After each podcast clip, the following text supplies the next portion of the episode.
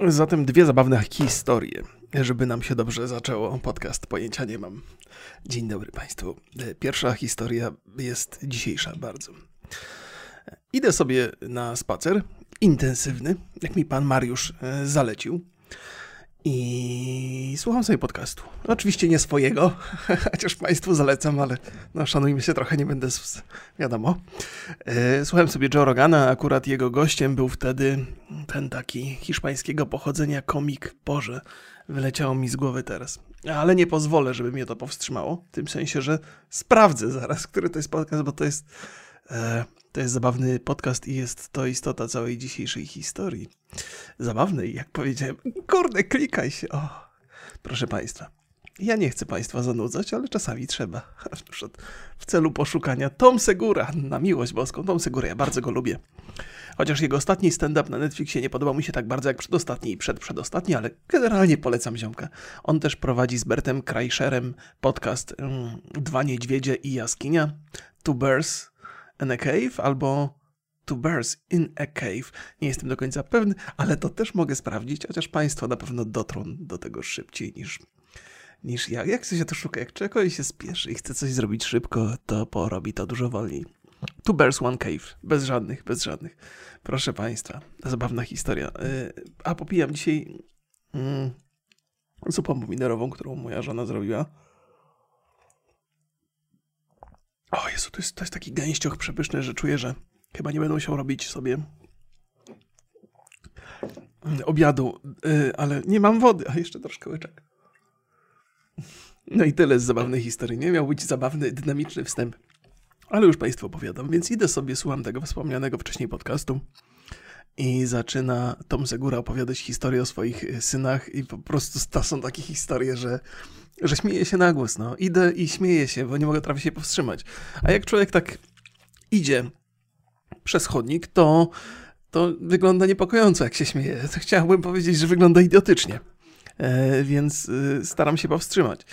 E, tym bardziej, że z naprzeciwka idzie sobie facet taki dostojnie, ale ma dwa totalnie niedostojne pieski. Takie pieski, że to mężczyzna się wstydzi z nimi pokazywać. To są takie pieski, że jakby chomik się postawił, to by uciekały, nie? Takich rozmiarów są to pieski. Facet potężny, większy ode mnie. A ja idę naprzeciwko i mówię, o cholera, muszę się przestać śmiać. Ale nie mogę, bo ci goście cały czas mi w słuchawkach opowiadają zabawne historie. I, i śmiałem się tak, y, ukrywając tak się jakoś... Y, I facet, to jest najgorsze, co można zrobić chyba. Tak się ukrywać z tym śmiechem, bo ostatecznie facet pomyślał, że z niego się śmieje i w związku z tym próbuje się ukryć z tym, ale nie mogę się powstrzymać, że coś mnie rozbawiło.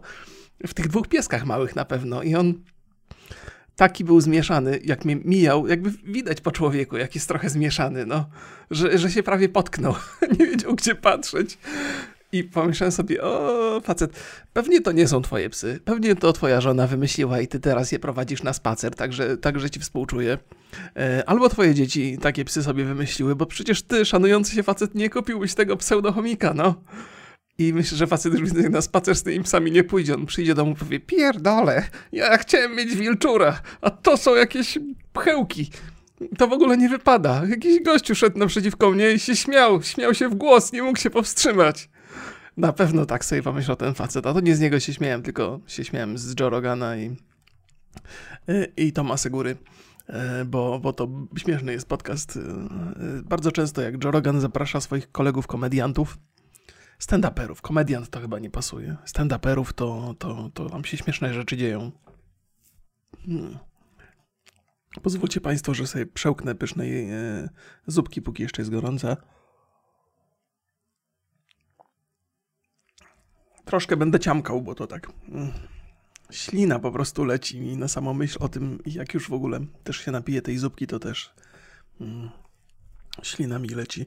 Pan Mariusz, y, opowiadałem ostatnio, że mnie ochrzanił, że nie mam co się tam y, tymi interesować internetowymi rzeczami, a może to nie on, cholera, bo ja tak się trochę poskarżyłem, że mnie napastują tutaj. Więc pan Mariusz mi udzielił instrukcji tych spacerowych i pan Mariusz mi tak napisał, jakie są skutki uboczne tych moich spacerów. Druga zabawna historia jeszcze będzie, cierpliwości.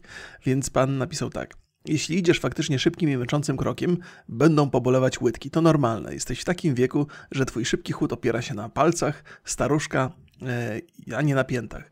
Nabierzesz wprawy z kondycją, będzie problemie, po problemie. Panie Mariuszu, pan mnie chyba nie docenia bardzo mocno. Ja w ogóle w 30 minut robię te 3 km, to jest dosyć dobre tempo. Mam e, powyżej 100 uderzeń serca na minutę i w żadnym razie łydki mnie nie bolą. Kiedyś mnie bolały, jak byłem dużo cięższy, ale ja teraz jestem dużo, dużo sprawniejszy. Proszę pana. Chwaliłem się na lewie. Ściągnąłem sobie taką, ale, ale dziękuję za te dobre rady, bo tak naprawdę y, skusił mnie pan do tych szybkich marszów. Ja uskuteczniałem y, ćwiczenia na różne sposoby, a to jest dosyć przyjemne. Sobie rano E, około ósmej wyjdę na dwór, to, to spotykam innych bezrobotnych, co biegają i jest zabawnie. E, a przy okazji już na, na początku dnia mam niezły kawał e, wysiłku wykonany, więc lepiej się czuję mentalnie z tym wszystkim. Więc dziękuję, dziękuję za te dobre rady i mimo, że tak poczułem się tutaj ochrzaniany, że za dużo czytam w internecie zamiast po prostu stosować prostą metodę, to, to ją zastosowałem, jest, jest skuteczna, więc Państwu też, też polecam. E, szybkie marsze są super. I, no, i można sobie posłuchać podcastu, jak wspomniałem. E, no, e, i opowiadając dalej, tak sobie, tak sobie marszuję właśnie któregoś razu e, o poranku i widzę samochód tak przy ulicy, niestety od czasu do czasu. Staram się dalej, żeby nie wdychać tych spalin, bo to trochę mija się z celem, ale akurat idę koło ulicy i jest samochód, pani kierowiec w tym samochodzie i z tyłu dziecko. I strasznie do mnie macha intensywnie, nie? Ja mówię, nie no, to już nie jest ten wiek, żeby mnie rozpoznawali, po prostu jakieś sympatyczne dziecko i do mnie macha no to też mu macham. No macham mu, bo, bo, bo czemu, czemu nie? Ja też jak ktoś do mnie tak sympatycznie, to dlaczego miałbym nie, nie pomachać? Jak na autostradzie na, na, na, na tym takim wiadukcie do mnie machają, to ja też odmacham. Pewnie nie widzą, ale odmacham. E, tylko też uważnie się przyglądam, żeby ktoś nie zeskoczył albo nie rzucił mi czegoś, bo to są takie wypadki też się zdarzają, więc jestem ostrożny. Obserwuję tych, co tam stoją na tych wiaduktach. Ale macham do, tej, do, do tego dziecka z tyłu co siedzi i tak w międzyczasie zerkam na, na, na tą kobietę i ona tak patrzy na mnie zdziwiona i pewnie myśli, że do niej macham. E, i, i może, może jestem jej znajomym, a ona nie poznaje, taki trochę miała zdziwiony wyraz twarzy, no jakoś to zaakceptowała. Ale podchodzę coraz bliżej do tego samochodu, podchodzę, podchodzę i już na tyle, że mój wzrok zaczyna łapać ostrość na tym dystansie. I się okazuje, że tam z tyłu y, macha do mnie y, nie dziecko, ale pies jest odwrócony do Pomimerda ogonem i byłem pewny, byłem pewny, że to dziecko. No i trochę mi się głupio zrobiło i pomyślałem, no to ta kobieta chyba nie patrzyła na mnie, mm, szukając y, znajomej twarzy, tylko, tylko z takim totalnym zdziwieniem, nie? do kogo ja tam macham w ogóle. No więc tak się przywitałem z dupą psa pewnego, pewnego radosnego poranka i poszedłem dalej w swoją, w swoją drogę. I mam kilka takich tras, y, takich tras y, spacerowych, no i spotykam sobie różnych takich ziomeczków, którzy też, też tam rano uprawiają jakieś sporty. Żartowałem oczywiście z tymi bezrobotnymi, to prowokacja była jawna z mojej strony, ale to jest tak, że teraz jest dużo pracy zdalnej, czasami nawet kiedy latem już jest takie rozluźnienie pandemiczne i ludzie wracają do biur, to jeszcze mimo tego sporo osób nadal pracuje zdalnie, bo nagle się okazało, że to dobrze działa dla nich i, i dla korporacji różnych też to dobrze działa, mniejsze koszty są. Więc, więc tak, nie, nie że bezrobotni.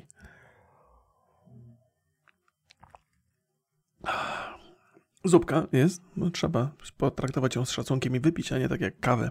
Gadam w podcaście przez godzinę, a kawa e, stygnie, a tu zupce nie można na to pozwolić. Pan, pan Mariusz powiedział w wstępie do tego maila. Nie, to chyba nie pan Mariusz mi opieprzał. Ja mi się trochę mieszają te maile, przepraszam. E, ale powiedział, że mm, kiepsko się słucha człowieka, który długo walczy z nadwagą. Miałem ojca, Pan Mariusz miał ojca, który ważył 16 kg, bo waga okręcała się dookoła, więc zna temat.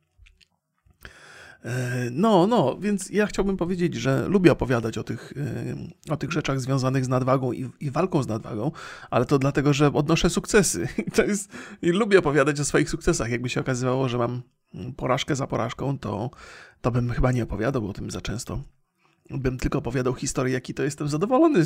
Właściwie może nie jestem specjalnie sprawny, ale trzeba być, trzeba siebie kochać takiego, jakim się jest, nie? tak bym opowiadał. I mimo tego, że ja uważam się za faceta rozsądnego, przynajmniej w tym kontekście, że lubię patrzeć na siebie krytycznie, to, to, to, to, to człowiek ulega takim, no, chcemy być szczęśliwi ze sobą. I zależnie od tego, jak nasze życie się układa, to próbujemy znaleźć jakieś, jakieś, e, jakąś odrobinę optymizmu wokół tych wszystkich opowieści, nie? Więc tak bym opowiadał, a teraz mogę opowiadać inne historie. Pierwszy raz waga mi spadła poniżej 96 kg, już tam było blisko 95,0, co jest fajnym, fajnym wynikiem u mnie, bo e, właściwie od, od trzech lat już tak regularnie chudnę i, i staram się żyć trochę żwawiej. To jednak zatrzymała mi się waga na tych 98-99 kg i nie mogłem tego ruszyć w dół, e, mimo intensywnych ćwiczeń, ale teraz jakoś tak poszło nagle, ni stąd, ni zowąd, jakieś 4 kg w ciągu miesiąca. Mówię, gdzie, jak, dlaczego? Może, może konsekwencje te pozytywne tego długotrwałego ćwiczenia wreszcie. Nie wiem, jak to jest. Pewnie można to jakoś sensownie wytłumaczyć. Moja żona, jak zaczynała ćwiczyć, też schudła mocno, chociaż ona nie potrzebowała bardzo, ale, ale schudła, jest zadowolona niezwykle. Ja też również, oczywiście, bo przecież trzeba się cieszyć z sukcesów najbliższych. Mm, to, to powiedziała, że też przez pierwsze pół roku ćwiczeń w ogóle nie widziała efektów na wadze, tylko widziała efekty w sylwetce. No a potem nagle waga e, odpuściła. No interesujący jest temat, na którym się nie znam, e, więc e, nie będę Państwu opowiadał. I proszę Państwa, to jest w ogóle fantastyczna sprawa jest z tymi podcastami, ale też. Yy, bo można sobie pogadać, co człowiekowi na sercu siedzi, i to, to robię bardzo często. Natomiast przykre jest to, że tak często zapominam yy, różnych historii. Jak sobie gdzieś idę, idę gdzieś y, widzę jakichś ludzi, to mi mnóstwo opowieści przychodzi do głowy. I zawsze sobie próbuję jakoś to zanotować. Y, czasami w notatniku, co jest rozsądniejsze, a czasami mentalnie, co w ogóle nie jest rozsądne. Próbuję sobie za zanotować te swoje wszystkie opowieści, a i tak zapominam. E, I chyba najlepszym sposobem na nagrywanie podcastu byłoby, wiecie co, chodzenie z urządzeniem nagrywającym.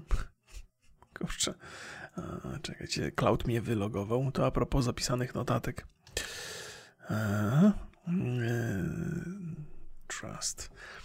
Trzeba by, trzeba by od razu nagrywać na bieżąco. Ja, ja w zasadzie chodzę w słuchawkach, które mają mikrofon więc bym nagrywał, ale to jakość dźwięku jest totalnie słaba w porównaniu do tego, co tutaj mam. A ta też pewnie nie jest wybitna, ale ja jestem zadowolony, więc... Co ja tu mam? O, pani Młotkowa. Czy ja opowiadałem Państwu tę historię? Nie, chyba nie opowiadałem. E, miałem...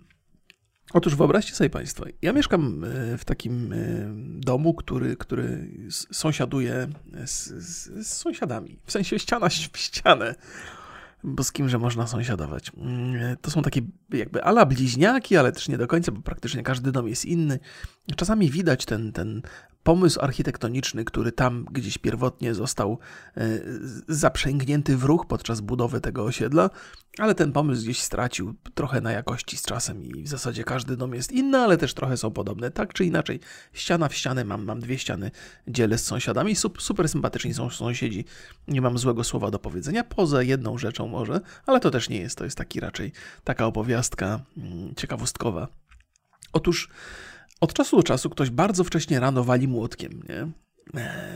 I to jest coś, do czego się przyzwyczaiłem. Uznałem, że, że okej, okay, no, no widocznie musi. No co zrobić? Mm, ale któregoś razu o, o 7 rano w sobotę obudziło mnie to walenie młotkiem i postanowiłem zaprzęc swój y, nie do końca najwyższych lotów intelekt, by zastanowić się, e, co tam się dzieje, dlaczego ktoś tak wcześnie wstaje żeby walić młotkiem. To nie jest tak wcześnie, bo ja też wstaję tam 7.10 w zasadzie w sobotę, bo już taki sobie, taki sobie plan ułożyłem i staram się jego trzymać, po to, żeby potem aktywnie i tak dalej, wiecie. ale, ale gdzieś jakieś 20 minut przed budzikiem wali, to walenie młotkiem mnie budzi. I w końcu mówię, no co jest grane, nie? W sensie, jaki może być pretekst, dla którego ktoś wali młotkiem tak wcześnie? No, ktoś gwoździe wbija, to jest jakaś nerwica, natręst czy coś. Ale doszedłem do wniosku, że tam gdzieś po jednej stronie albo po drugiej, bo trudno mi ustalić, gdzie to się niesie tak przez te wszystkie ściany, mm, ktoś chyba przed wyjściem do pracy wali w kotlety, żeby potem wróciwszy do domu od razu je wrzucić na potelnię i przygotować rodzinie obiadek. To jest jedyne wytłumaczenie, jakie im przyszło do głowy, w sensie jedyne racjonalne wytłumaczenie, że ktoś bije te kotlety przed wyjściem do, do pracy i potem już są gotowe, jak, jak wróci i nie musi się męczyć. Nie? Ta pani gospodyni albo pan gospodarz, to, bo to nie wiadomo tak do końca. Wydaje mi się, że moja mama, kiedy byłem młody, e, robiła takie rzeczy, więc ma to jakiś sens chyba. Mają Państwo lepsze wytłumaczenie na to? Jestem bardzo ciekaw. Mi nic więcej do głowy nie przychodzi. Mm. Boże, jakie to jest dobre. Duży błąd, że nie wziąłem sobie łyżeczki. Mógłbym wydrapać ten kubeczek do końca, bo tam jest gęste i zostało na dnie. Mm. Mm. A Państwo lubią w ogóle takie gorące kubki? Ja zawsze lubiłem, e, tylko że mm, zawsze lubiłem, ale, ale nie jadam zbyt często. Mam e, pewną e, pewną mam niechęć wobec przypraw i tam tych wszystkich proszków, które są wrzucane. Tak myślę, że to może być nie do końca sympatyczne na dłuż, dłuższą metę, ale jak byłem studentem, to, to piłem sobie gorące kubki czy inne takie rzeczy. To lubiłem takie dania, że wchodzisz, wlewasz wodę do tego i, i masz gotowe i nie musisz się męczyć za bardzo. Eee, pamiętam, moje ulubione były ziemniaczki ze skwarkami knora, takie. Zalewało się. Oczywiście to, to pewnie na maksa niezdrowe. E, żona mi w końcu wybiła to z głowy. Ach, kurde, ale dlaczego, skoro to takie dobre? Nasz organizm jest taki. Można by teoretycznie podejrzewać, że potrafi rozpoznać rzeczy dobre od złych po prostu za pośrednictwem smaku. Jeżeli coś smakuje, znaczy, że jest korzystne. Ale korzyść, proszę Państwa, to jest złożona sprawa w kwestii jedzenia, bo nasz organizm niestety za korzystne uważa y, magazynowanie jakichś gigantycznych odłogów y, tłuszczu, więc nie można mu do końca ufać. Z jednej strony jest bardzo mądry, z drugiej strony jest głupiutki. Na to wygląda. A propos tego, że jest bardzo mądry, to ktoś mi napisał. E, maila, taki, taki, takiego maila, który, który mi dobrze ten, który jest dla mnie miły i sympatyczny. Zaraz gdzieś ja to znajdę, no. Eee, dobra. Jezu, jak mnie to denerwuje, specjalnie sobie zaznaczam te wszystkie e, gwiazdkami, te rzeczy, które chcą. O, już. Pan Seweryn napisał. Panie Sewerynie, no nie mogłem pana znaleźć. Pan Seweryn napisał maila, e, który zaczyna się tak. Jestem fizjoterapeutą. Jak to przeczytałem, pomyślałem sobie, o, będzie opierdzielando teraz. Zaraz mnie, zaraz ktoś tu naprostuje. Zaraz dostanę po uszach za te wszystkie mądrości, co ja je tu wypowiadam z niezachwianą pewnością siebie, a powinienem jednak uważać. Muszę sobie powiększyć literki, bo mam złe okulary. Złe okulary mam. tak, proszę Państwa mogę zasuwać dosyć y, dużo y, marszobiegiem i łydki mnie nie bolą, ale muszę już zmieniać okulary siedząc przed monitorem. Tak, tak, to proszę Państwa, z tymi oczami jest. Jestem fizjoterapeutą, pan Seweryn pisze, i po twoim ostatnim podcaście w końcu poczułem, że jest temat, na który mogę mieć dużo do powiedzenia. Nie, trochę do powiedzenia, trochę. Nie będzie to żadna krytyka, ale nic z tych rzeczy, ani nic z tych rzeczy. Od tak kilka ciekawostek, żeby może rozwiać twoje i niektórych z państwa słuchaczy wątpliwości. A to zawsze miłe, jak ty pisze. To nie jest krytyka, ale... Nie, nie, nie. nie, nie, Tutaj ucieszyłem się, jak pomyślałem, że to nie jest krytyka. Mówię, może, może jednak nie jestem taki głupi, jak myślę. Więc e, pan Seweryn pisze odnośnie przesiadów na, na palcach i twojej wspomnianej obawy o kolana podczas zeskakiwania z wysokości. To obawa nie bierze się znikąd. Jak trafnie zauważyłeś, a kurde, coś zauważyłem trafnie. Nasz mózg to cwana bestia. I w naszym ciele, dzięki temu potworowi, nic nie dzieje się bez powodu. Twoja wspomniana obawa najprawdopodobniej wynika z tego, że twój układ nerwowy po pierwsze nie jest przyzwyczajony do takiej pozycji z dodatkowym obciążeniem, a po drugie zna twoje ograniczenia, które mogą być różne: nadwaga, słabe mięśnie, brak koordynacji. Nie wyliczam Twoich przypadłości, broń Boże, podaję tylko przykłady, co może na to wpływać. Pan Seweryn jest bardzo, bardzo jest dobrym fizjoterapeutą, jest bardzo ostrożny, żeby mnie nie zranić. Bo jak to fizjoterapeuta y, zrani klienta, to klient go w ogóle potem nie będzie słuchał, nie? Więc pan, pan tutaj, y, Seweryn, dba o moją fizyczność, ale także mentalnie. Tu stara się nie naruszyć mojej pewności siebie. No, dziękuję bardzo za to. To, że po wykonaniu przysiadów na, na palcach czujesz mniejszą obawę, jest całkowicie naturalne, ponieważ twój układ nerwowy zaczął się przyzwyczajać do tej pozycji, która wcześniej była niecodzienna, niekomfortowa Właśnie dzięki tym przysiadom, bo wymuszałeś, wymuszałeś niejako tę pozycję, plus dokładałeś obciążenie własnym ciężarem. Z rozciąganiem jest dokładnie tak samo. Nasze mięśnie pod wpływem rozciągania się w żaden sposób nie zwiększają swojej długości. Tam się nic nie rozciąga. Zwyczajnie przyzwyczajamy nasz układ nerwowy do pewnych pozycji, które wcześniej były dla niego niecodzienne, niekomfortowe i stopniowo je pogłębiamy, przyzwyczajając mózg i ciało do większej pracy w tym zakresie. O proszę. Odnośnie tego, że przez kolano może boleć biodro, to jak najbardziej. A proszę, jest to moje kolejne doświadczenie, które okazało się trafne, znaczy spostrzeżenie wynikające z doświadczenia. W naszym ciele jest coś takiego jak mechanizm kompensacji. Czyli jak trafnie wspomniałeś, jak trafnie wspomniałem, ach kurde, mówiłem, pan Seweryn bardzo mnie dba. Nie tylko mi tutaj daje dobre rady, yy, jeszcze dba o, moją, yy, o moje samopoczucie, plus przy okazji powoduje, że moje samopoczucie jeszcze jest w lepszym stanie niż zanim zacząłem czytać. Czyli jak trafnie wspomniałeś, a to, to, już, to już było, było. Kiedy jakaś rzecz przestanie działać, odpowiednio w naszym ciele nasz organizm zaczyna sobie to kompensować inną rzeczą. Czyli załóżmy, że mieliśmy skręcony staw skokowy. Nasz układ nerwowy nie chce angażować tego stawu skokowego do pracy w celu uniknięcia bólu, dyskomfortu, przez co zmieniamy obciążenie, biomechanikę chodu, obciążamy bardziej drugą nogę i tym podobne. Przez co w konsekwencji cierpi kolano, biodro, kręgosłup i tak. I kiedy te możliwości kompensacyjne naszego organizmu zaczynają się wyczerpywać, zwyczajnie zaczyna pojawiać się ból. Dlatego dobry fizjoterapeuta będzie przykładał bardzo dużą wagę do starych urazów, które odnieśliśmy w przeszłości, ponieważ taki uraz stawu skokowego może w przyszłości skokować przykład bólami głowy.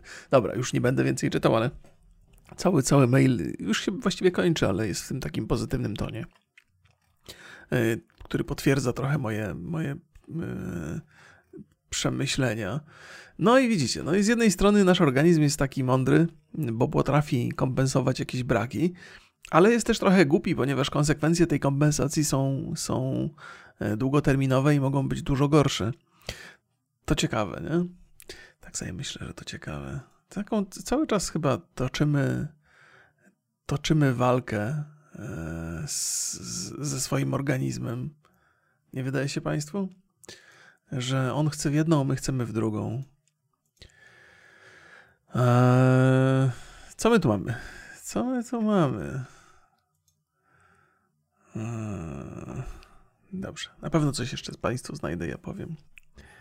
Eee, co tam się działo ostatnio? A, właśnie 9-11 po raz 20 eee, i wspomnienia o, to ja Państwu powiem o swoich. Ja oczywiście nie, nie, nie mam osobistych wspomnień, ale pamiętam, co to było 20 lat temu. Po pierwsze, mam niesamowite wrażenie, że, że to się wydarzyło znacznie bliżej niż 20 lat temu. Pamiętam, żeśmy, żeśmy e, siedzieli z żoną e, przed telewizorem i, i pierwsza informacja na ten temat była już jakaś szokująca. I jak żeśmy podbiegli do telewizora, właściwie moja żona mnie zawołała, jak gdzieś tam siedziałem w pokoju, coś tam sobie robiłem. I pierwsze wrażenie, jak ta pierwsza wieża płonęła, to miałem, myślałem, a to chyba nic tam, pożar chyba nic takiego strasznego się nie, nie, nie, nie wydarzyło, bo tam oczywiście kłęby dymu, ale to wszystko jeszcze stało. Potem jak zaczęło się to sypać wszystko i tam coraz więcej raportów na temat tych ludzi, którzy tam skakali, to muszę przyznać, że to, to, to totalnie tak trochę taki obrazek, który nie do końca się w głowie mieści, bo mamy poczucie, że ten świat zachodni, Ameryka, Europa Zachodnia tutaj, to jest ultra bezpiecznie. To znaczy zdarzają się rzeczy nieprzyjemne, w sensie ktoś cię może zasztyletować w ciemnym załuku, to rozumiem, ale nie ma takich działań, że, że jest, że, że budynki się walą. Nie? Jakby to jest ten, ten poziom bezpieczeństwa już mieliśmy zagwarantowany, przynajmniej w teorii. A teraz, żeby nam zagwarantować ten poziom bezpieczeństwa, to nam się odbiera wolności tak dosyć skutecznie i to, to, to jest następstwo. I mam wrażenie, że, że lepiej już nie będzie. Znaczy, że gdzieś tam. To jest, to jest taka.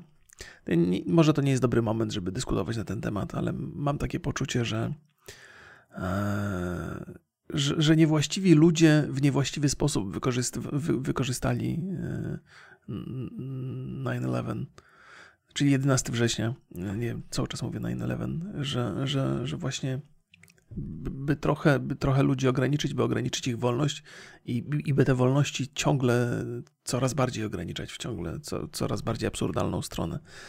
Nie wiem, czy to, czy to się zmieni. Może się zmieni, może się nie zmieni, ale mm, e, to jest takie, takie wrażenie, jakkolwiek by banalnie to nie, nie zabrzmiało, jak e, jak, jak się wydarzyło, jak, jak był atak na tę wieżę, jak patrzyłem w telewizorze na to, co się dzieje, jak to wygląda, to przypomniała mi się taka sytuacja, kiedyś, kiedyś jak jeszcze mieszkałem w bloku, to nam się włamano do, do mieszkania i niewiele rzeczy ukradziono, bo to był taki szybki włam, że tam ktoś wywalił drzwi, wszedł, ogarnął na, na, na szybko, poprzewracał ciuchy, szukali jakichś pieniędzy pewnie gdzieś tam pod skarpetkami e, schowanych. Gdzieś tam jeszcze mieszkaliśmy na, e, ze znajomymi, ja wynajmowałem pokoje, więc ze studentami i tam komuś aparat fotograficzny ukradli, takie, takie rzeczy.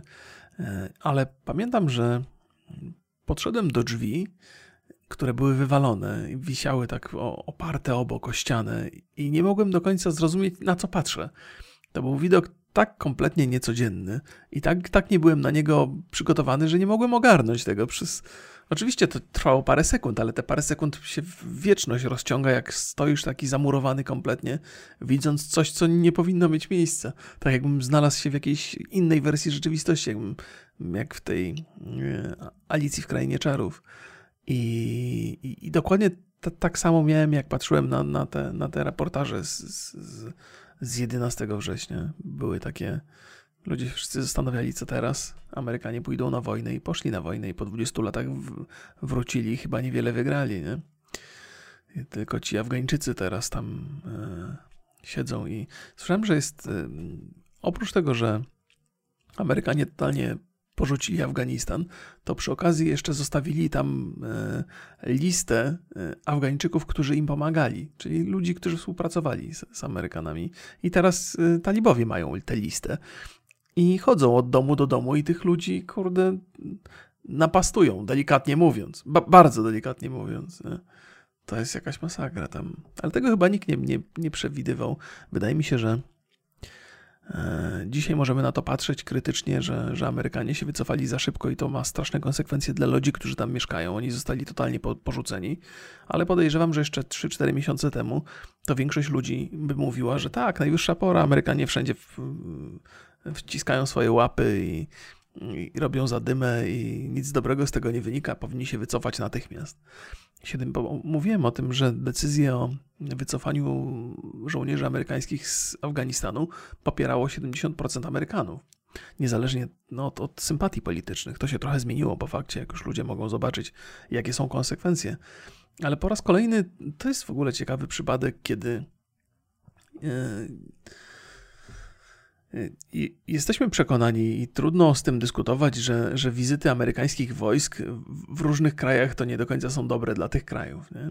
E, ale, ale nawet to zło, które tam się dzieje, e, i nawet te interesy, o które tak naprawdę Amerykanie walczą, i tak są lepsze od tego, co tam się dzieje później, albo, albo od tego, co tam się dzieje, jak Amerykanów tam nie ma.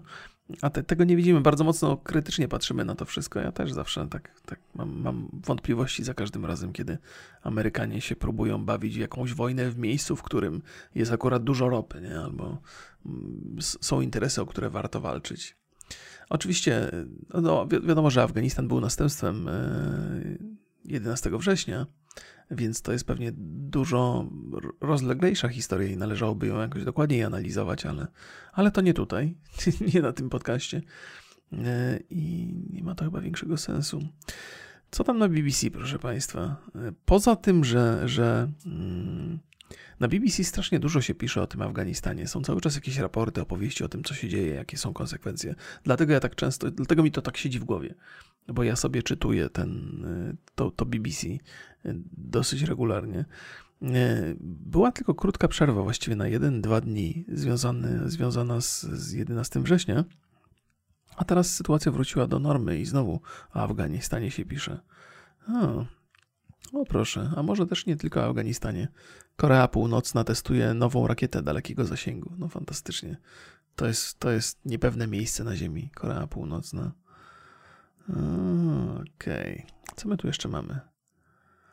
Motocykle mogą niszczyć kamerę w iPhone'ie. Ostrzega o tym Apple. No to ciekawy artykuł. Swoją drogą, jutro jest jakaś konferencja Apple'a, będę sobie oglądał na live, więc może Państwo się skuszą i przyjdą do mnie. E, czytałem artykuł o tym, że pewien stopień wibracji może uszkodzić tę kamerę, co w zasadzie nie jest jakąś niespodzianką. Generalnie jak urządzenia elektroniczne podda się wibracji, to one mają prawo się posypać i kamera w iPhone'ach też to robi. Ale przykre jest to, że to się odbywa na motocyklu, więc jeżeli jesteście motocyklistami i lubicie sobie pojeździć i lubicie te wibracje, w udach odczuwać, to, to trzeba uważać, gdzie się trzyma iPhone'a w takiej sytuacji. Może najlepiej w plecaczku, żeby sobie luźno polatał, jak się trochę trzęsie za bardzo. E, zerkam na te artykuły nie tylko dlatego, że chcę o nich tam nagłówkowo powiedzieć, ale też one gdzieś tam przywodzą mi na myśl różne wspomnienia. E, I te wspomnienia mi się odświeżają właśnie teraz i mogę o nich opowiedzieć. Dzisiaj taki to taki kryzysowy trochę jest podcast, bo hmm, chyba już tydzień nie, nie, nie, nagrywałem nic. Miałem dużo zajęć, byłem w Warszawie, coś tam, coś tam załatwiałem, mam dużo projektów takich. Poza tym z Borysem już nagrywam dwa podcasty tygodniowo i trochę nie tyle brakuje mi inspiracji, ile czasu, więc mam nadzieję, że Państwo się nie gniewają jakoś tak bardzo. Ja wiem, nawet, nawet jakbym codziennie produkował godzinę podcastu, to zawsze jest za mało. Ja jak mam tak, że słucham podcastu, to E, jakiegoś konkretnego, to, to szybko mi się wyczerpują materiały, bardzo, bardzo szybko i potem cierpię z powodu braków. Więc jeżeli ktoś cierpi, no to przykro mi, ale też jestem szczęśliwy, że Państwa doprowadziłem do takiego stanu. Czy coś. Mam nadzieję, że znajdujecie coś, coś innego. Na pewno znajdujecie. Ale to takie, to przyjemne jest dla mnie z perspektywy gościa, który gada do mikrofonu. Chciałem Państwu opowiedzieć historię o. E, tylko, czy ona, ona była trochę związana z wibracjami, ale też chyba w ogóle ze słuchaniem muzyki. Ja nie wiem, czy Państwo. E, a, właśnie, bo sobie, sobie e, w, w takim marszobiegu intensywnym brałem udział i pomyślałem sobie, Boże, jak to fajnie, jak to dobrze, że można sobie podczas takiego biegania posłuchać mu muzyki. I to nie jest takie oczywiste i niecałe 30 lat temu, jak ja biegałem, a biegałem z przyjemnością i trochę wyczynowo, to w sensie, no dobra, amatorsko, tylko w ramach wyczynowego sportu, ale też chodziłem, że biegałem takie 10-kilometrowe, na przykład w lesie miałem biegi czy coś. To nie można było sobie muzyki posłuchać podczas tego biegania. Człowiek, człowiek, człowiek został, był, był, pozostawiony tylko i wyłącznie ze swoimi własnymi myślami, które jak się miało paręnaście lat, to nie były przesadnie twórcze. W sensie generalnie jak myślisz o różnych rzeczach, to, to, to, to dobrze, nie? To rozwija ale, ale dzisiaj jak dobrze jest posłuchać czegoś, albo wyjść sobie gdzieś na spacer i pobiegać i posłuchać podcastu i, i czegoś się dowiedzieć. Czyli można, można intensywnie ćwiczyć, robić coś dobrego dla siebie fizycznie, a przy okazji można też się czegoś dowiedzieć, trochę się wyeduk wyedukować, albo ostatecznie zobaczyć, jaki ktoś ma inny punkt widzenia, albo jaki ma horyzonty. E, I to jest, to jest bardzo dobre i bardzo przyjemne. Dwie, dwie pieczenie na jednym ogniu. No, ale w moich młodych latach to nie było do końca e, pewne. Co prawda dosyć szybko mm, pojawiły się Walkmany. Ja nie pamiętam jaki to jest rok. Wiem, że pierwsze Walkmany zrobiło Sony. Walkman Walkman Sony uh, date release date to pewnie był 1979 rok, czyli dwa lata po, mojego, po moim urodzeniu, a w Polsce mm, te Walkmany zaczęły się pojawiać. Ja już chodziłem do szkoły podstawowej, więc tam pewnie miałem e, te kilkanaście lat. E, albo kilka lat. Nie, nie pamiętam dokładnie. Chyba byłem w szóstej klasie. W szóstej klasie to ile się ma lat? 14? 13, gdzieś tak. No, no, to miałem bardzo sobie e, ma marzyłem, żeby mieć Walkmana i, i w końcu miałem. I one się psuły. Ja chyba ze cztery Walkmany w życiu, bo to nie jest takie specjalnie przesadnie sprawne urządzenie, to bardzo szybko zużywało baterię, bo ta taśma była, taśmy się wkładało, to się musiało obracać i to, to zużywało baterię błyskawicznie. Jak jeszcze ktoś lubił muzykę sobie głośno posłuchać, to w ogóle tragedia. Ale uwielbiałem Uwielbiałem wtedy sobie spacerować. Tam też byłem w takim wieku e, pełnym namysłu, jakichś, jakichś młodzieńczych filozofii, że musiałem pobyć sam ze sobą. Z mojego domu do takiego sklepu muzycznego był jakiś taki 20-25 minutowy marsz. Chodziłem do tego sklepu muzycznego, kupowałem sobie jakąś kasetę i potem słuchałem ją, jej wracając i tam przez kilka dni łażąc po mieście. I to była super fajna sprawa, bo jak się kupiło kasetę, to człowiek musiał się do tej muzyki w jakiś sposób e, przekonać. Nawet jeżeli ona mu nie wchodziła na, na pierwszy rzut oka. No bo miał już tą kasetę, zapłacił za nią. Wtedy kasety nie były jakieś przesadnie drogie jeszcze, bo to było jeszcze chyba przed tym prawem autorskim. Można było sobie kupić drugą lada moment, ale mimo to trochę kosztowały. No. I, i, no i trzeba było. I dzisiaj, dzisiaj ta muzyka jest. Mm, dzisiaj muzyką chyba jest trudniej. Chociaż z jednej strony jest pewnie łatwiej, bo jest lepsze dotarcie, łatwiej można znaleźć potencjalnego słuchacza, ale ten słuchacz nigdy nie ma czasu i ochoty, by trochę się posiłować z tą muzyką, by się do niej przekonać, nawet jeżeli ona mu nie wchodzi. Jeżeli teraz komuś muzyka nie wchodzi, to ją odrzuca i tyle, i szuka następnej i następnej, bo jest tak, tak, tak jest dużo. A jest, jest sporo takiej muzyki, która wchodzi na pierwszy rzut oka, ale przeważnie ta, która wchodzi na pierwszy rzut ucha, chciałem powiedzieć. Ta, która wchodzi od razu, to nie jest taka muzyka chyba najwyższych lotów, nie? Chociaż może to jest przesada. Ja na przykład y, ostatnią płytę Darii Zawiałow to od razu mnie od razu mnie wciągnęła i do tej pory uważam, że to jest bardzo dobra muza.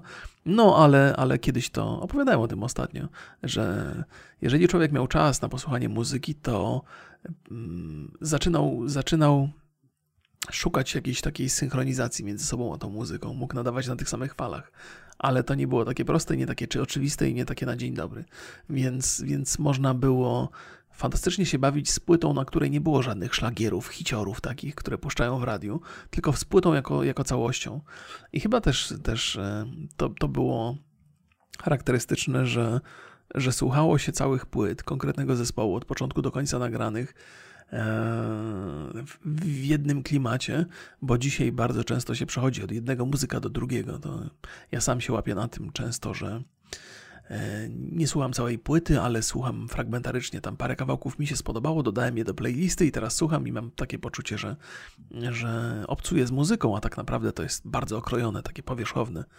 Więc, więc teraz trochę wracam do tych swoich starych, starych zwyczajów. Mm, chciałem Państwu opowiadać tak naprawdę historię o Walkmanie i o, i o psuciu się Walkmana, ale skoro znowu jesteśmy na tych muzycznych e, rzeczach, to powiem Państwu, że szok przeżyłem ostatnio ciężki. Opowiadałem Państwu, że o, o Chrisie Cornelu to jest jeden z moich ulubionych artystów, były, były yy, piosenkarz i tak trochę mnie trafiła jego, jego śmierć yy, i gdzieś mi się siedzi to w głowie cały czas. I na skutek tych moich opowieści postanowiłem sobie odświeżyć jego dyskografię, przy, przyjrzeć się tym wszystkim płytom. I nagle patrzę, jest płyta, która jest, została wydana w roku 2020. To jest oczywiście tribut dla Chrisa Cornella, ale, ale na pierwszy, w pierwszej chwili pomyślałem zaraz, a może mi się coś pomyliło, może, to, może on wcale nie popełnił samobójstwa, może to o kimś innym była historia. Może zdarzyło się coś, co jest opisywane przez jedną niezwykle fascynującą teorię spiskową. E, to jest taka. E, to jest, to jest rozbudowana rzecz, ale zaraz Państwu o tym opowiem. To jest kolejna historia. No ale No One Sings Like You Anymore się nazywa płyta. I ona jest pod nazwiskiem Chrisa Cornella na Spotify'u. E, ma 10 kawałków, nie jest przesadnie długa, mm, około 40 minut, akurat idealna na taki intensywny spacer i cudowna jest, jest fantastyczna, jest piękna i no i tak, jest zdecydowanie to tribut. Ja muszę poczytać, żeby się dowiedzieć, jak ona została zrealizowana, bo tam oczywiście jest głos Chrisa Cornella od początku do końca, tam jakaś jest inna aranżacja, może jakieś remastery są starszych kawałków, ale brzmi, brzmi cudownie, to jest po prostu, wspomnienia wróciły i, i genialna jest ta płyta, naprawdę polecam Państwu gorąco. Ale e, wracając do Walkmanów i do, do tych teorii spiskowych. Otóż e, któregoś razu oglądałem, oglądałem taki sobie dokument. Mm, on był na HBO, to jest jeden z takich, e, jeden z odcinków takiej dłuższej historii. E, reżyser chyba się nazywa Murphy, ale teraz nie, sobie nie przypomnę i nawet chyba nie będę w stanie go znaleźć na szybko, żeby teraz poszperać. I on opowiada różne historie, takie z bardzo ciekawej perspektywy, z perspektywy kamerzysty, z perspektywy ręki e, prowadzącej kamerę. I między innymi pojawia się tam w jednym z odcinków taka opowieść o ludziach, którzy uważają, że e, pamiętają inną wersję rzeczywistości niż ta, z którą mają do czynienia na co dzień. Że na przykład jest sobie facet, który uważa, że że, że, że ten Kurt Cobain zmarł znacznie wcześniej niż zmarł faktycznie, na przykład 5 lat wcześniej. I on jest o tym, jest, jest, pewny co do tego, że słyszał to. Oczywiście potem pojawiły się inne, kolejne informacje o jego śmierci, tej, tej prawdziwej, którą znamy w naszej wersji rzeczywistości. Nie, nie uciekajcie, nie? to ja opowiadam historię. Wiem, że to brzmi dziwnie, nie? Ale spróbuję dojść do sedna, nie? Nie, nie, nie. muszę uważać, żeby nie powtarzać nie na końcu. To jak się trochę gubię w opowieści, to tak mam, mam, mam taką skłonność. Mm, za co przepraszam? Zatem ten gentleman jest przekonany, że Kurt Cobain zginął znacznie, znacznie wcześniej i że słyszał i że widział artykuły. I oprócz niego są też inni ludzie, którzy myślą dokładnie tak samo. I oni się spotykają razem i zaczynają się zastanawiać, co jest grane, dlaczego my myślimy tak w ten sposób. Oczywiście wyjaśnienie jest pewnie jakieś proste, yy, że to jest jakaś taka masowa łuda. Komuś się mogło coś tam wydawać, posłał te informacje dalej, a nasz mózg działa w ten sposób, to wiele razy o tym gadałem i Państwo pewnie doskonale o tym wiedzą, że lubi sobie dopowiadać historię, lubi sobie układać e, e, puzzle w całość, nawet jeżeli brakuje mu całej masy elementów. I te puzzle ułożone stanowią dla nas rzeczywistość, natomiast niewiele z rzeczywistością mają wspólnego. Jeżeli zbierze się grupa ludzi, którzy, która, która myśli w podobny sposób, to jeszcze się napędza ta, ta, ta, ta idea i ona pozostaje na stałe we wspomnieniach. Kurt Cobain to jest taki jed, jeden z przy, przypadków, ale jest masę, masę różnych. O locie na, na Księżyc, o nawet o tym, że e, były wypuszczone e, te e, płatki owsiane, które wedle pewnej dosyć dużej grupy ludzi zawsze od samego początku ich nazwa była pisana przez literkę A. Tymczasem w sklepach jest ta sama nazwa, tylko pisana przez literę E. Tak samo się wymawia, bo to język angielski. Akurat tak, tak, tak, tak się akurat złożyło. No oni siedzą i się zastanawiają, co jest grane, dlaczego my wszyscy pamiętamy to przez A, skoro teraz wszędzie jest przez E. e co się stało? Dlaczego, dlaczego tak jest? No i, i, mają takie spotkania, i te spotkania już tak pachną taką, taką, takimi trochę wariatami, taką teorią spiskową już posuniętą do granic. Oni uznali, że e, że są ludźmi, którzy. Że, rzeczywistość się zmienia pod wpływem jakichś bardzo drastycznych wydarzeń, y, albo podróże w czasie, jacyś podróżnicy w czasie coś zmieniają. Y, a oni y, są jedną z tych nielicznych grup, która których wspomnienia nie zostały zatarte. To znaczy, że oni pamiętają oryginalną wersję rzeczywistości, a my żyjemy w tej aktualnej. Czyli, że coś nastąpiło po drodze, nastąpiła jakaś zmiana. I takich opowieści jest mnóstwo, bo jest, jest dużo takich sytuacji, ja nie potrafię wszystkich Państwu przytoczyć, gdzie nam się wydaje, że, że, że, że coś było zupełnie inaczej, że pamiętamy, że widzieliśmy to, że, że to jest niemożliwe, żeby było inaczej. E, no i jest, jest sporo takich osób. Ja tak samo z tym Chrisem Cornelem pomyślałem, przez chwilę sobie patrząc na tą płytę, mówię, niemożliwe, że on, on wydał nową płytę, może mi się coś totalnie pomyliło, może ja właśnie znalazłem się w tej nowej wersji rzeczywistości, natomiast pamiętam tą prawdziwą, która była zupełnie inna od tego, co jest, co jest dzisiaj. I niezależnie od wszystkiego, jak się patrzy na tych ludzi, to oni się wydają bardzo dziwni, bardzo, bardzo dziwni. To są tacy, tacy ziomeczkowie, co tam do późnej starości mieszkają w piwnicy rodziców, nie? E, więc to, tacy są niewiarygodni, tacy są zagubieni, tacy są, tacy są to nie są jacyś tam biznesmeni, którzy osiągnęli sukces pracy. Nie, to są jacyś tacy ziomkowie, co talony zbierają, bo żeby kupić taniej ciastka. Nie? Takie tam, nie, nie mam nic przeciwko zbieraniu talonów, ale mówię, że to, to są takie jednostki, które wydają się dosyć zabawne w tych swoich całych teoriach, a ich teorie takie próbują być bardzo naukowe i e, przychodzi ziomek i opowiada rzeczy o, o fizyce, a podstawówki nie skończą na przykład, nie? I to takie jest, takie jest. No ale tak czy inaczej istnieją takie grupy ludzi i fascynujące jest patrzeć na to i fascynujące jest patrzeć na, na ich próbę wyjaśnienia tych całych sytuacji. Ale zamykając już i zmierzając do mojej opowieści o Walkmanach, zamykając już e, historię tego, tego dokumentu, o którym Państwu opowiadam. Świat według Marfiego? Nie, nie, jakoś inaczej. Przepraszam, próbuję sobie jeszcze z tyłu głowy przypomnieć, jaki był to. E, na jednym z podcastów żeśmy omawiali e, to z Borysem ten, ten, ten, ten dokument, bo jest, jest dosyć przyjemny. Więc ten ziomeczek mm, zrobił tak, że te wszystkie teorie, które oni mieli, dotyczące bardzo prostych faktów, jak na przykład zmiana literki na produkcie, albo e, no, był taki produkt, że składał się z dwóch, e, na, z dwóch wyrazów. Nazwa to był jakiś płyn do mycia i ci ludzie uważali, że w ich oryginalnej wersji rzeczywistości Między jednym a drugim wyrazem był myślnik.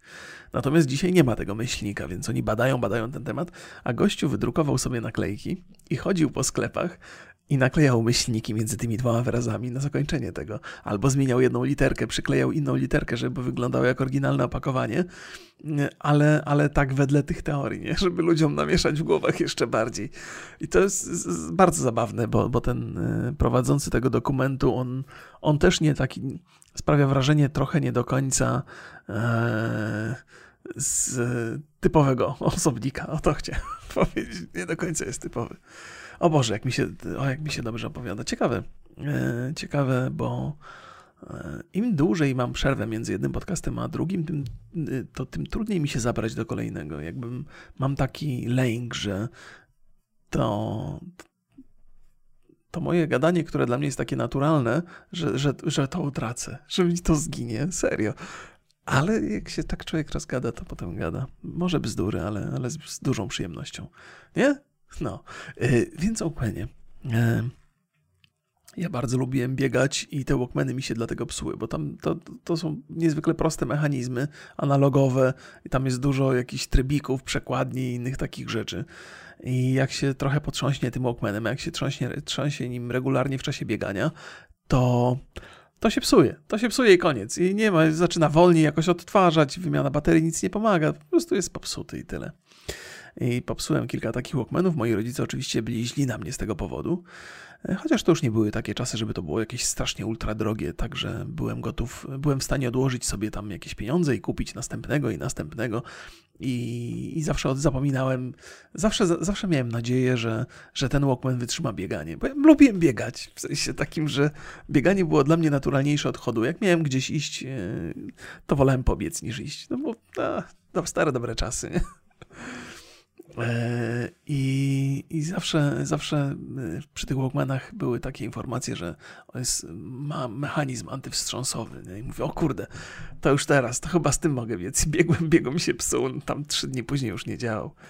E, no, y, ale któregoś razu kupiłem sobie takiego Walkmana, który został wyprodukowany przez firmę General Electric. Oni się chyba zajmowali samochodami, muszę sobie przypomnieć. Mieli takie zabawne logo, które przypomina literę H.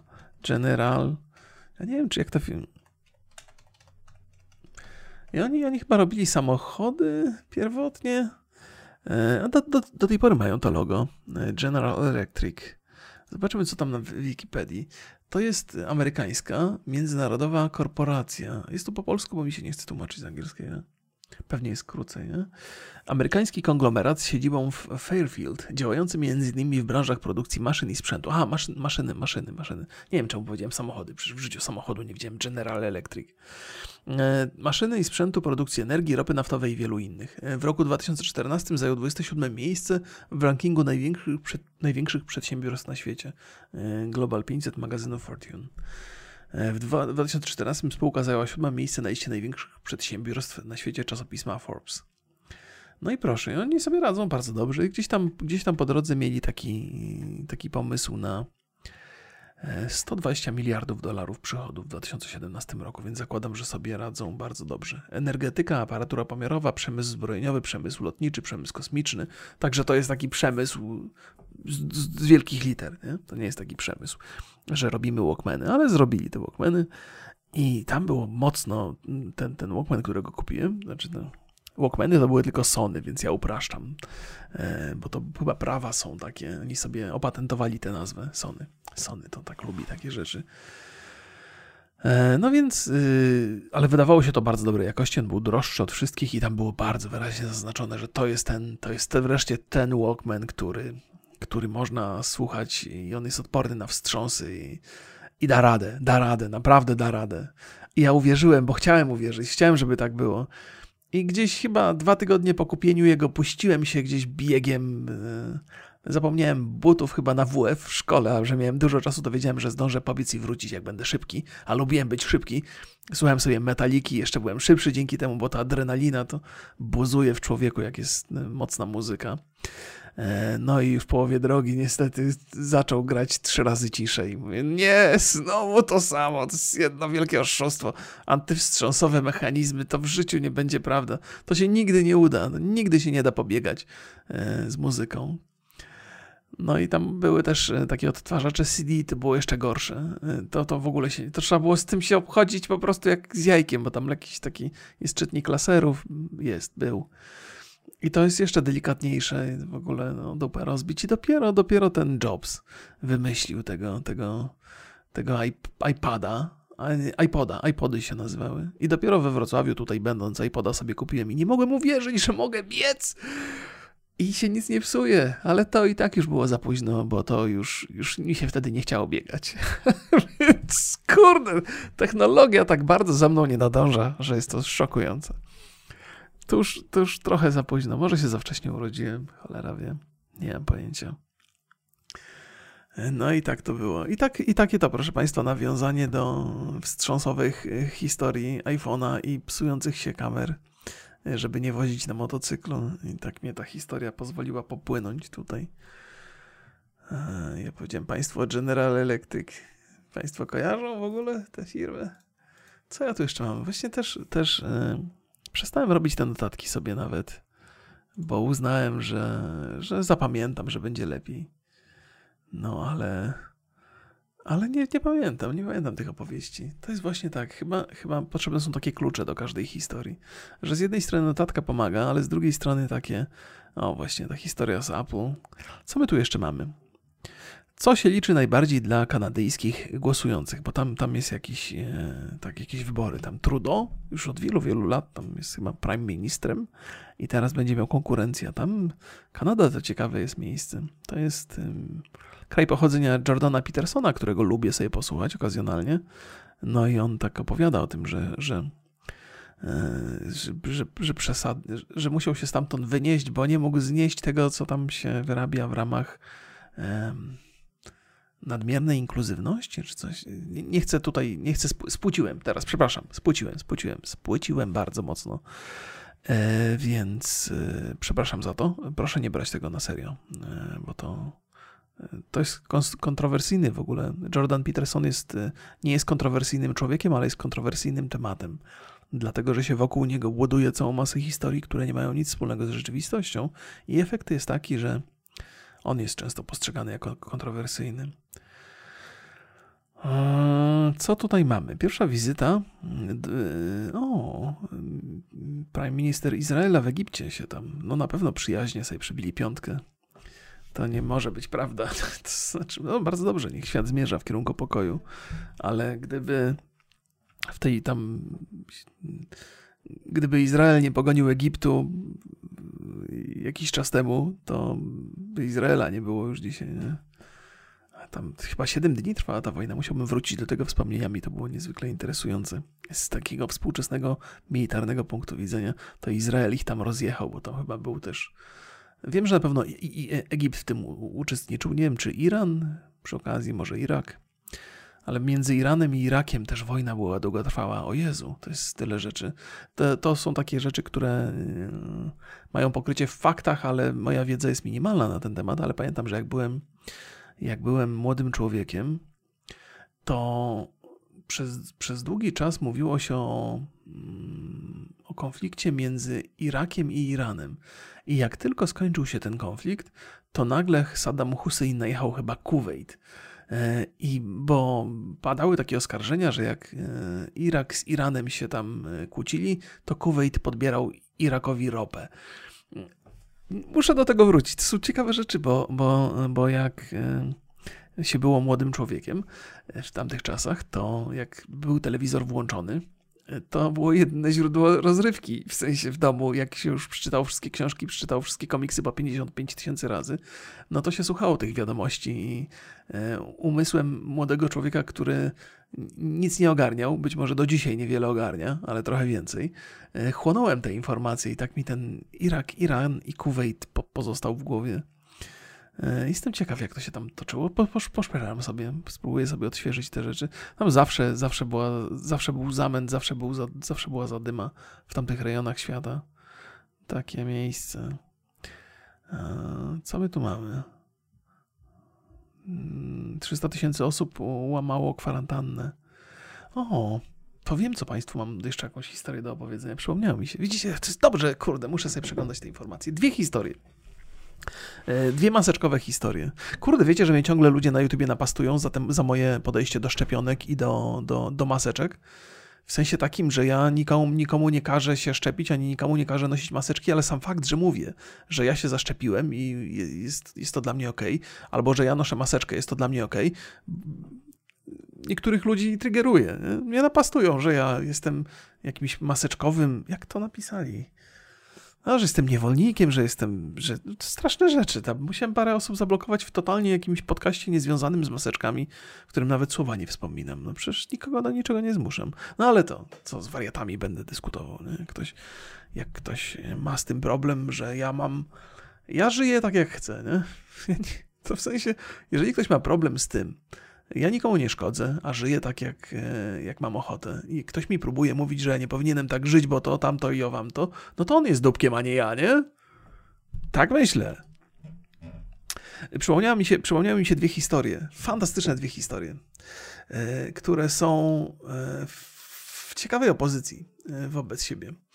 One są już dosyć stare, ale tam siedziałem nad nimi troszkę i wyobraźcie sobie taką sytuację. E, w, w amerykańskich, e, na uni amerykańskim uniwersytecie, dokładnie w Georgii, profesor, który miał 88 lat, na zajęciach wyszedł i powiedział, że podaje się do dymisji, że ma dosyć, że nie będzie więcej wykładał, a to dlatego, że jeden ze studentów miał maseczkę odsłoniętą. W sensie miał maseczkę, ale miał nos odsłonięty i temu prowadzącemu to przeszkadzało.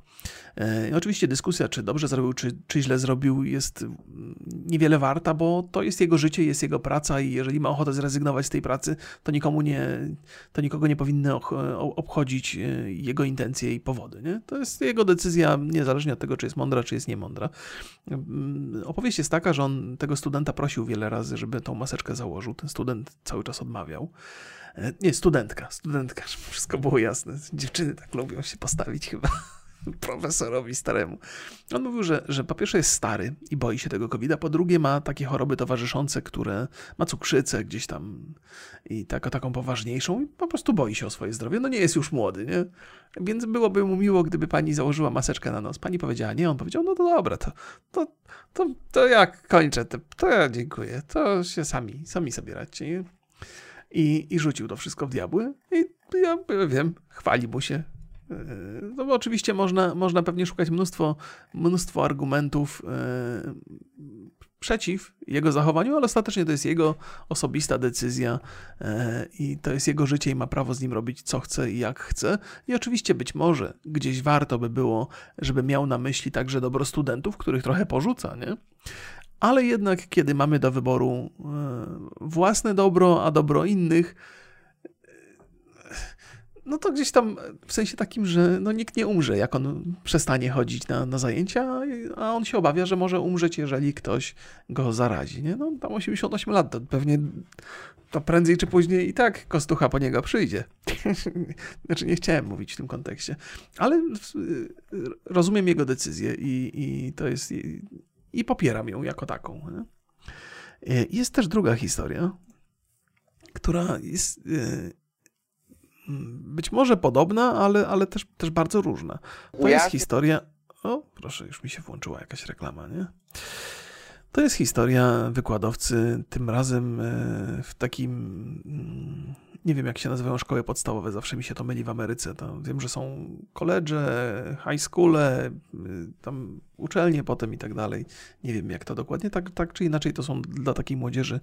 Mowa o, o szkole dla młodzieży, która tam 12-13 lat. Nie? E, gdzie y, nauczyciel, e, mając objawy covid powiedział, że jest, y, że to, to jest alergia, że on nie ma covid i prowadził zajęcia bez maseczki, mimo że obowiązkowo było, mimo że w tej szkole było obowiązkowe noszenie e, maseczki podczas e, prowadzenia zajęć. On usprawiedliwiał to, że no jak ma alergię, to mu się ciężko oddycha w tej maseczce, więc ją zdjął. W rezultacie 22 e, uczniów zaraził i w, nie wiem, jak tam dokładnie ci, ci ludzie siedzieli. Historia jest taka, że zaraził 22 uczniów wszystkich, którzy siedzieli w pierwszych dwóch rzędach i jeszcze tam paru, którzy siedzieli dalej, nie? czyli jakby dosyć oczywiste jest, że zasięg jego głosu e, miał tu jakiś decydujący wpływ na, na, na te zarażenia. Nie? No i, no, i, no i tak, to jest w zasadzie koniec historii, bo już tam nie sprawdzałem, jakie były konsekwencje i tak dalej. Skąd to wiadomo, bo, bo można by też sobie mówić, że no, ludzie się spotykają ze sobą, źródła tego zarażenia mogłyby być inne, no ale to się, to się ludzie, którzy się tym zajmują fachowo, czyli sprawdzają, e, gdzie było źródło, gdzie był ten pacjent jakby zero, nie? E, to, to dojdą po, po kłębce, e, po nitce do kłębka prędzej czy później, więc, więc taka historia też się wydarzyła. Dwie totalnie inne historie. Nie? Jeden, jeden wykładowca bał się o swoje zdrowie, zrezygnował z pracy, drugi wykładowca był tak pewny, że jest zdrowy, że postanowił, że, że przy okazji zaraził tam 22 uczniów. Nie? No i teraz, kurde, Oczywiście jedna i druga historia może być totalnie zmyślona, chociaż podejrzewam, że jedna i druga jest prawdziwa, bo to łatwo byłoby zweryfikować, ale to za każdym razem może być propaganda albo w jedną, albo w drugą stronę. Ja już jestem daleki od, od, od to, co powiedziałem we wstępie, jestem daleki od mówienia ludziom, jak mają żyć, co mają robić, e, czy mają chodzić w maseczkach, czy mają się szczepić, czy nie. To każdy podejmuje sobie e, samodzielną decyzję. Ja podjąłem jakąś konkretną i, i, i, jestem z tego zadowolony. Natomiast y, są siły, które ciągną w jedną albo w drugą stronę, i to nie, nie, nie dojdziesz do tego, co jest, y, co, co jest prawdą, co jest nieprawdą. Akurat obie te historie, mimo że opowiadane są trochę w inny sposób i, i inne, inne rzeczy opisują, no to w obu przypadkach maseczka by się przydała. Nie? Ale to może być właśnie ta, ta promaseczkowa propaganda, która jest y, w internecie podobno powszechna.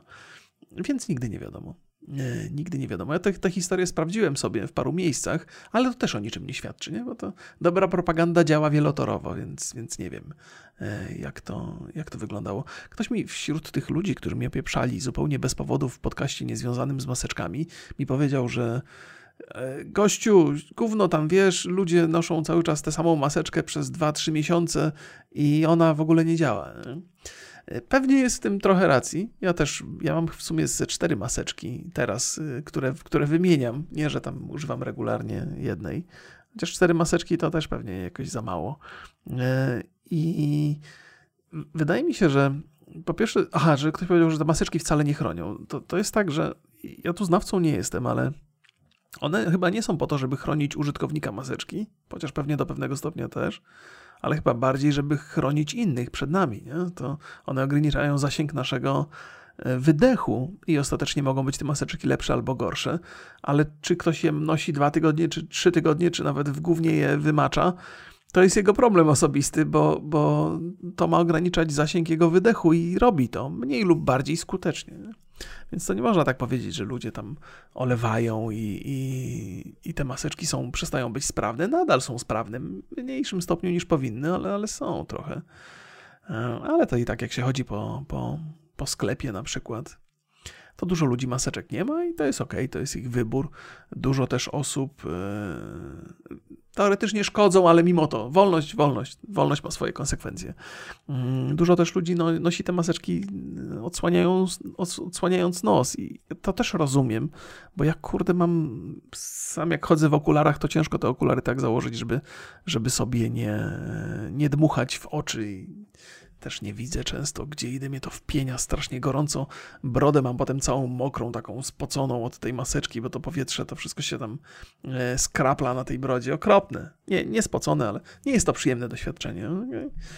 Z tego względu wolę nie wychodzić z domu i zamówić sobie zakupy, niż, niż z jakiegokolwiek innego, niż z jakiejś tam obawy. No, miało nie być maseczkowo, miało nie być covidowo, ale tak sobie pogadałem, tak sobie pogadałem. Ja cały czas mam takie, biję się z myślami tutaj. Nie? E, to jest chyba... Do jakiego stopnia możemy wpływać na innych ludzi, by zapewnić sobie bezpieczeństwo? To jest niebezpieczny, kurde. Mm, to są niebezpieczne wycieczki. E, niebezpieczne jest takie myślenie, że, że to jest chyba kolejny taki przypadek, gdzie lekarstwo może być gorsze od choroby, że jeżeli zaczniemy innych ludzi zmuszać do zachowywania się w określony sposób, albo zaczniemy dzielić społeczeństwo na tych, którzy e, chodzą w maseczkach albo bez, albo na tych, co się zaszczepili albo bez, to, to się wpisujemy dokładnie w to, co, co czasami rządy próbują robić, czyli ograniczać naszą wolność, żeby zapewnić nam bezpieczeństwo. I, I, mimo tego, że ja mam dosyć oczywiste przemyślenia na temat tego, że sam będę nosił maseczkę i sam będę się szczepił, to, to cały czas mam, mam taką obawę, że zmuszanie innych, by robili to samo co ja, z jednej strony ma mi zapewnić bezpieczeństwo większe, ale z drugiej strony zaburza to poczucie wolności, które jest chyba ważniejsze. Nie? W sensie takim, że czasami warto umrzeć dla tej elementarnej wolności. E, albo być ofiarą czyjejś wolności, ale żeby ta wolność została zachowana, nie wiem. Może to też jest idiotyczne. To nie są takie skrystalizowane myśli. Czasami mnie zadziwia to, że ludzie tak e, wypowiadają się z taką pewnością siebie i z przekonaniem, że ich poglądy są najwłaściwsze, że są od początku do końca przemyślane i że nie ma żadnej rysy w tych poglądach. Że... I to dotyczy zarówno osoby, które są za szczepieniami, jak tych, które są przeciwko szczepieniom. Nie potrafię się, nigdy się nie potrafiłem znaleźć w takiej, e, w takiej pozycji, by być stuprocentowo, stuprocentowo przekonany, że, że po pierwsze, że mam rację, po drugie, że, że, że jestem już gotowy na to, żeby, żeby wybrać poglądy konkretne. Mm.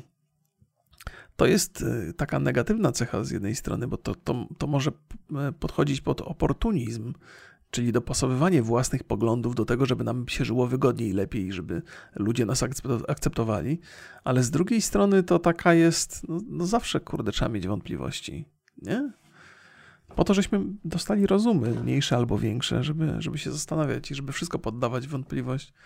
Więc yy, ktoś też mi napisał maila, takiego sympatycznego, ale też tak, yy, że, że, nie, że lubi słuchać tego, co mówię, ale nie do końca rozumie mojego niezdecydowania w niektórych sprawach.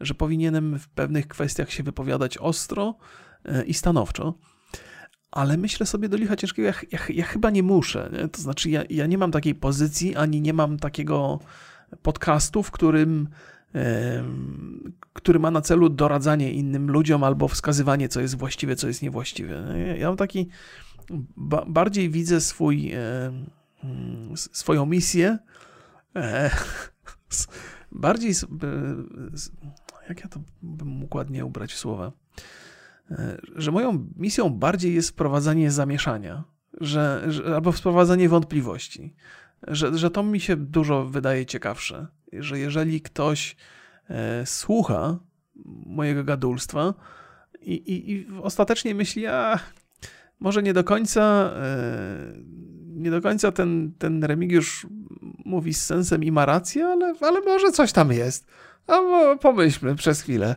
Może, może, może te jego wątpliwości mają jakieś tam znaczenie. Może warto je też mieć, takie wątpliwości. Ale to nie w tym sensie, żeby samemu zmieniać e, radykalnie swoje zachowanie, bo tego nigdy nie chcę.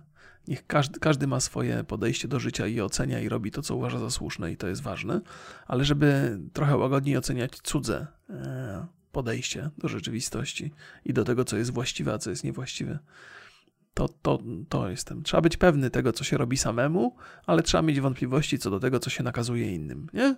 O, to jest dobra myśl. Nie, to jest dobra myśl. Pozdrawiam Państwa bardzo serdecznie.